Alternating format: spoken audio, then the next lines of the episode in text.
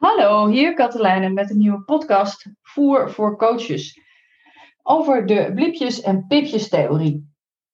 De blipjes- en pipjes-theorie gaat erover hoe je zoveel mogelijk in het nu met je gesprekspartner erachter kan komen wat er werkelijk onder iemands verhaal zit. Mensen hebben de neiging om hun verhaal talig te brengen en dan krijg je eigenlijk de laatste schakel in de keten, namelijk iemand ervaart dingen, voelt dingen, hoort dingen, uh, clustert dat met zijn brein zodanig totdat die kan zeggen: Ja, mijn probleem is nou, dat ik een stomme baan heb.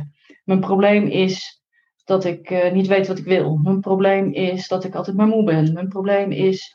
Maar dan krijg je de uh, interpretatie en je krijgt niet wat er werkelijk onder zit. Want wat er werkelijk onder zit, ik wil altijd weten, wat gebeurt er in het autonome zenuwstelsel? Wat uh, ervaart iemand? Welke prikkels zijn stressverhogend en welke prikkels zijn ontspanningsverhogend? Want als je, uh, ik, ik ga ervan uit dat iedereen die met een probleem zit, daar zit omdat er een onbalans is tussen parasympathisch en sympathisch zenuwstelsel. Oftewel dat er eigenlijk gewoon uh, overprikkeling of onderprikkeling is in het lijf. En zowel met overprikkeling als te veel onderprikkeling kom je niet bij mogelijkheden. Bij uh, weer voelen dat je dingen kan. Bij ontdekken, bij nieuwsgierigheid, bij probleemoplossend vermogen, bij kansen enzovoort. Dan, uh, als, je, als je over- of onderprikkeld bent, dan sta je op de plaat. En de plaat is dan precies wat de cliënt aan jou geeft.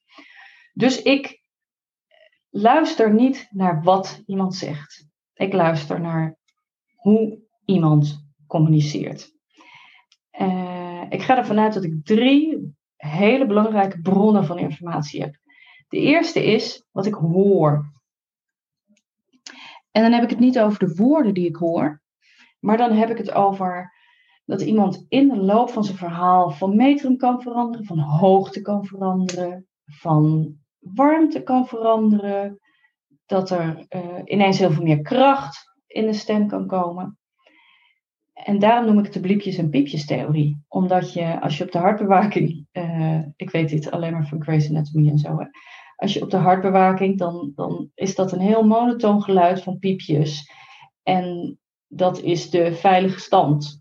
Dat is bij je cliënt ook, dat is de plaat. Als het allemaal gewoon da, da, da, da is, er zit niks nieuws, daar zit geen informatie. Op het moment dat er uh, een spike in wat je bij de hartbewaking ziet, uh, komt, dan zie je iets, maar je hoort het ook, dan wordt het interessant. Dat is bij coachen ook. Dus iemand vertelt zijn verhaal. En in dat vertellen van het verhaal kan die niet anders dan onbewust uh, veranderen als het autonome zenuwstelsel iets spannend of juist heel fijn vindt. Dan ver verandert die stem mee. We zeggen wel eens, elke verandering van binnen geeft een verandering van buiten. Zo had ik een keer iemand die was aan het vertellen over de werk en hoe het was. En, hè, en dat ging allemaal op deze toon. En op een gegeven moment zegt ze, maar toen ik vroeger in het onderwijs werkte. En toen ging ze weer terug, daar vertelde ze over. Maar toen zakte het weer af. En toen dacht ik, hé, hey, dat is interessant. Want wat doe ik dus? Ik luister naar wanneer wordt een stem sneller of langzamer of hoger of lager. Verandert de intensiteit. En waar wordt er op dat moment over gesproken? Dat heeft mijn aandacht. Want dan denk ik, dat woord doet dus iets in het autonome zenuwstelsel. Dus ik vraag aan deze mevrouw, nou ik vroeg het niet eens, ik kuppelde alleen maar terug van joh, als je over je huidige werk praat, dan hoor ik in je stem dit en dat, zus en zo. En als je dan over het onderwijs praat, dan hoor ik ineens heel veel veranderingen in je stem. Dat was volkomen nieuw voor. Dan denk jij, uh, leven mensen onder een steen? Nee, mensen liegen de hele tijd tegen zichzelf. Dus die poetsen al dit soort dingen die voor een buitenstaander misschien obvious zijn, poetsen ze weg. Dus een, als ik een directe coach zou zijn, zou ik misschien een directieve zou ik zeggen: hé, hey, maar toen je het over onderwijs had, toen vond je, vond je het allemaal, uh, veranderde er heel veel. Dus volgens mij moet je het onderwijs in. Dat is niet mijn stijl van coaching. Ik vertrouw erop dat als ik teruggeef wat er verandert in iemands communicatie, dat hij zelf even naar binnen gaat en denkt: ja, verhip. Dus je helpt iemand dan om zelf waar te gaan nemen in het lijf. Verhip, het klopt, er veranderde iets toen ik daarover nadacht, daarover sprak. En dan kun je samen gaan onderzoeken, wat zegt dat dan? Dus wat je eigenlijk doet, ook is een, is een mini-vliegertje. Voor wie de vlieger nog niet kent, luister een van mijn andere podcasts. Je doet een mini-vliegertje, namelijk iemand komt vanuit het uh, neocortex links, het uh, analytische systeem, vertelt hij zijn verhaal. Maar heel even piept dat limbische brein onderin de vlieger er doorheen. Uh, doordat de toon heel erg verandert, kun je dat waarnemen. Dat reflecteer je naar de cliënt. En daarmee vraag je de cliënt om in de prefrontale cortex, bovenin de vlieger, te gaan zitten. En te ontdekken van hé, hey, dat is zo. En wat interessant dat dat anders kan misschien. Je hoort al, ik sla het visuele brein over. En het is leuk als je die er vervolgens bij kan betrekken met oplossingsgerichte vragen. Want dan, ik snap dat voor iemand die dit voor het eerst hoort, denkt: wat gebeurt er allemaal? Luister uh, de podcast over uh, beelddenken en uh, het visuele brein. Help je iemand naar mogelijkheden toe. Dus stap 1 om bewust te worden is veel meer wat hoor ik, wat hoor ik, wat hoor ik in hoogte, metrum, intensiteit, hardheid. En als ik dat hoor, waar praat iemand op dat moment over? Dus op dat moment ben ik geïnteresseerd in de inhoud. Dan denk ik, wat was nou het woord of wat was het zinnetje? En vaak, als je dit gaat doen, zul je ook ontdekken dat mensen als ze een fundamenteel beperkende overtuiging of een hele belangrijke waarde of, een, uh, of iets dat ze maar niet bij hun missie komen, dat dat dingen zijn die ze met een veranderde intensiteit aan jou communiceren. Nou, dat is wat je hoort. Als het je nu al duizelt, want ik ga er nog twee doen, dan zou ik zeggen: stop hier of luister lekker verder, maar neem dat even voor, uh, voor zoete koek. En ga de komende week, twee weken, veel meer luisteren hoe mensen praten. En eh, daar moet ik dan ook weer wat leuks over zeggen. Want ik weet heel zeker dat er bij mensen dan beperkende overtuigingen eh, naar boven komen. Ja, maar het is onbeleefd om niet werkelijk te luisteren. Ja, maar als ik dan niet goed gehoord heb wat iemand zegt. Ik, ik zal heel eerlijk zeggen dat ik van cliënten al die, al die reutel gewoon, ja, ik noem dat reutel en dat klinkt heel oneerbiedig. Maar dat ik dat allemaal niet opsla. Want dat is niet waar het over gaat. En als je in je coaching werkelijk kan raken, dat je die diepere laag, dan vindt de cliënt het al lang niet meer belangrijk of jij onthouden hebt of die nou vorige week wel of niet op vakantie is geweest. Want dan voelt hij zich werkelijk gehoord. Maar ja, daar kom je waarschijnlijk wel iets in tegen als je ineens met hele andere oren gaat luisteren. Natuurlijk gewoon met dezelfde oren die je hebt. But you know what I mean. Oké, maar we hebben nog een zintuig. Je ziet ook dingen. Dus uh, waar het voor de een Hm. Slokje thee. Waar het voor de een uh, makkelijker is om, om het horen als ingang te nemen, zullen anderen meer van nature goed kijken naar hun cliënt. Ik coach uh, het uh, liefst zelfs aan de telefoon, weet je dat? Want ik heb echt meer dan genoeg aan, aan wat ik hoor.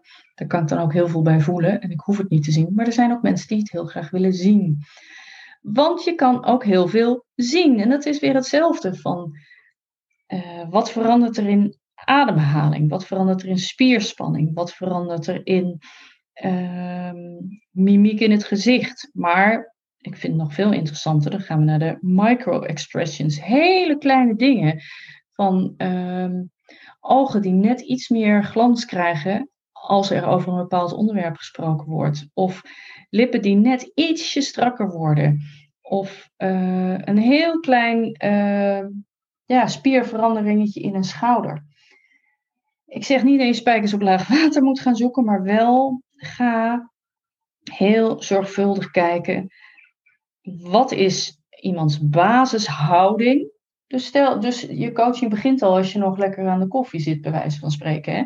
Want dan ben je al aan het registreren. Wat is de basis hoe deze persoon zit en beweegt? En uh, wat is de basis in het gezicht? Um, dus je maakt eigenlijk als het ware even een soort nulmeting van hoe kijkt iemand. En als je daar dan kleine of grotere veranderingen in gaat zien, dan doe je precies hetzelfde. Dan denk je, hé, hey, maar toen ik dat zei, ging iemand ineens heel diep ademhalen. Ik moet zo lachen als ik dan bij de tandarts lig en ik haal heel diep adem, vraag ze altijd meteen, gaat het? dat is ook weer het verschil tussen wat neem je waar en wat interpreteer je. Dus als iemand heel diep ademhaalt, betekent het niet dat hij het ineens heel spannend of moeilijk of emotioneel vindt. Nee, dat betekent dat iemand diep ademhaalt. Dieper dan hij daarvoor deed. En misschien ook dieper dan hij daarna doet. Als iemand ineens voorover gaat zitten, dan gaat hij voorover zitten. Dan uh, betekent dat niet per se dat hij ineens heel geïnteresseerd is. Als iemand met zijn armen over elkaar gaat zitten, betekent dat niet dat hij ineens heel gesloten is. We zijn zo gewend om heel snel betekenis te geven aan wat we zien. Doe dat niet. Zie wat je ziet. En dit klinkt heel makkelijk. En ik zie bij, uh, zie, bij coaches die net beginnen dat, ze nog, dat het nog heel lastig is om een onderscheid te maken tussen wat zie ik en welke betekenis geef ik eraan. Hoe snel je naar het punt gaat van uh, onzeker, verdrietig, enthousiast, uh, geïrriteerd. Nee, zie wat je ziet. En dat noemen we backtracken, ga dan heel snel weer even terug van ik zag dus een verandering in ademhaling of in spierspanning of in glans in de ogen. Of, en waar werd er toen over gepraat? Welk woord kwam er toen langs? Welk onderwerp kwam er weer langs? Dat is een tweede ingang om te ontdekken op welke bewust gekozen woorden zit energie. Plus energie of min energie. Dus gebeurt er iets in het autonome zenuwstelsel gaat het autonome zenuwstelsel meer aan of meer uit. Ik heb een enorme parkeerplaats in mijn hoofd voor al die ontdekkingjes die ik dan doe. Hè? Dan hoor ik iemand over, uh, ja, maar ik snap het gewoon niet allemaal. En dan denk ik, oh, hey, ik hoor iets veranderen, ik zie iets veranderen en het gaat over, snap het niet allemaal. Dan zet ik dat op mijn parkeerplaats. Misschien zelfs met een klein hypothesetje. Hmm, het zou kunnen zijn dat deze persoon zich uh, onzeker voelt over zijn intellectuele kwaliteiten. Het kan zijn dat deze persoon zich minder voelt. Het kan zijn dat het voor deze persoon, dat hij het eigenlijk wel snapt, maar dat het heel belangrijk is om dingen heel goed te snappen. Snappen kan een hulpbron zijn. Afhankelijk van wat ik allemaal nog meer gehoord heb, kan ik al een klein hypothesetje vormen. Maar dat gaat op de parkeerplaats. Maar je ziet al, ik combineer wat ik hoor en zie vervolgens vliegensvlug Hoef je nog niet te doen. Kies weer één van die ingangen. Let een week of twee op. Wat zie ik veranderen in spierspanning, gelaatskleur, houding, ademhaling, eh, de blik die iemand heeft, waar iemand naar kijkt. Wat zie ik veranderen? Waar werd er toen over gepraat? Zou dat interessante informatie kunnen zijn? We zijn er nog niet. Want we hebben nog een belangrijke, dat is de derde. Namelijk, wat voel ik zelf? Wat voel ik in mijn lijf bij wat de cliënt mij allemaal vertelt? Dus uh, dit gaat er vanuit van de werking van spiegelneuronen. Ik, ik hoop dat je daar een keer een podcast over geluisterd hebt. Spiegelneuronen gaan over dat je kan voelen wat een ander voelt. En niet alleen, uh, nou eigenlijk niet de emoties, maar de puur wat er in je lijf gebeurt. Dus je kan met een ander meevoelen. Nu wordt het, komt er wat druk op mijn borst. Of nu voel ik dat het aansnoert bij mijn buik. Of ik voel mee dat mijn schouders omhoog gaan. Of ik merk dat ik uh, heel licht word in mijn hoofd. Of ik. Dit is de reden waarom ik zeg: coaches moeten zelf hartstikke door de wasstraat. Want dit kan je alleen schoon voelen als je bewust bent van wat is van mij en wat is van een ander. Want die spiegelneuronen zetten niet bij alles wat je van de ander voelt een rode vlag. Hier moet je opletten. Nee hoor, je voelt van alles de hele dag door. Van anderen, van jezelf, door elkaar, kriskras. Dus door heel bewust te zijn van wat voel ik zelf allemaal überhaupt. Wat zijn de dingen die uh, mij makkelijk passen bijvoorbeeld. Ik, zal een voorbeeld over mezelf geven. Uh, ik ben snel ja, wat bangig dat mensen me niet goed begrijpen. Uh, er zit een heel verhaal achter. Dus ik, ik kan wel eens de neiging hebben om te denken: Oh, ik heb het niet goed uitgelegd aan deze cliënt. En dan voel ik onrust. Die is dan van mij. Maar het kan ook zijn dat ik bij een cliënt echt heel veel verdriet voel. En als ik dan op dat moment denk: Ja, ik heb zelf echt helemaal niks met verdriet. Dan kan het zijn dat het verdriet is wat ik bij een ander oppik. Maar het kan ook zijn dat ik nog hartstikke veel met verdriet te dealen heb en dat ik daar een blok beton op gejast heb. Dus dat het niet van de cliënt is. Dus vind ik dat een coach zijn eigen lijf moet kennen en zijn eigen emoties moet kennen en herkennen, zodat hij doorheeft wat voel ik van mezelf en wat voel ik van de ander. Als je op dat level kan, kan, gaan coachen, wordt het zo ontzettend makkelijk. Want dan voel je het al gebeuren als iemand binnenkomt. Dan voel je al van binnen, wat voel ik een zwaarte? Of dan voel je al van binnen, wat voel ik hier een ontzettende speelsheid die niet mag. Of wat voel ik, nou.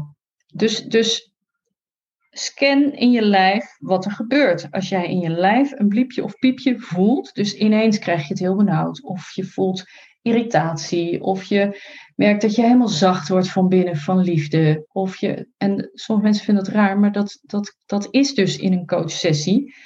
Als je werkelijk contact hebt, kan het zijn dat je heel erg voelt. Wat is deze persoon tekort gekomen? Of wat heeft deze persoon veel te veel gehad? Want sommige mensen zijn helemaal doodgeknuffeld in hun jeugd ik merk dat ik heel dicht tegen thema's als uh, overdracht en tegenoverdracht uh, aan zit nu. En dat we ook bijna richting het systemische gaan. En ik wil niet alle luikjes opentrekken voor deze podcast.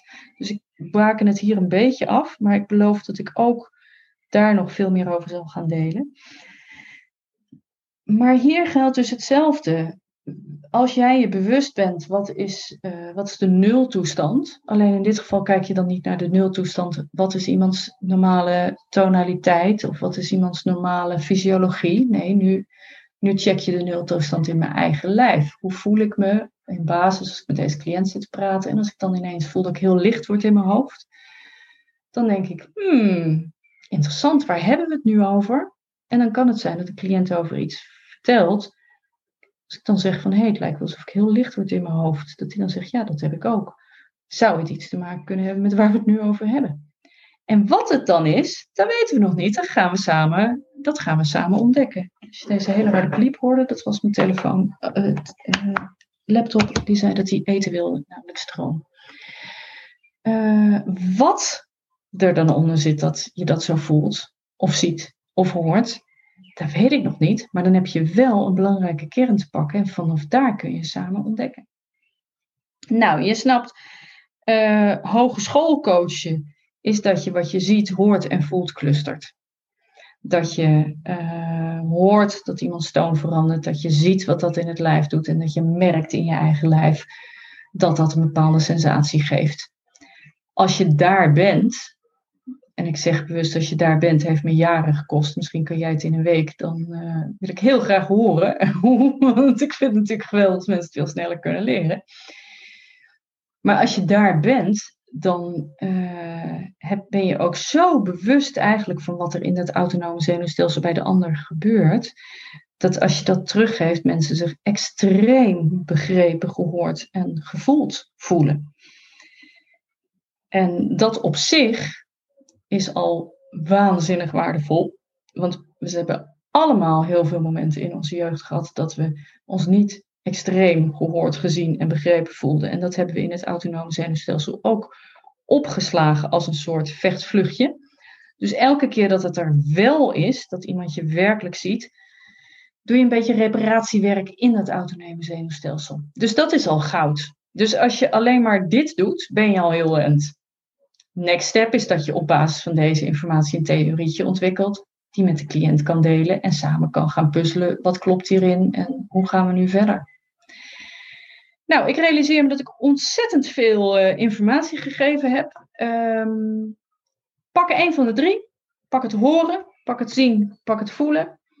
Let daar eens twee weken op. Ontdek wat je ontdekt. Leg de lat niet te hoog en word super nieuwsgierig. Uh, dit is een soort, uh, zijn van die, van die Russische poppetjes. Uh, elke keer als je hem open doet, zit er nog een poppetje in. Hier kan je echt nog jaren van genieten van dit proces. Want als je dit in de vingers hebt, dan kun je gaan dansen met je coachtechnieken. Want dan weet je precies waar je moet zijn. Nou, dat ga ik in de volgende keer delen. Veel plezier hiermee. Bye.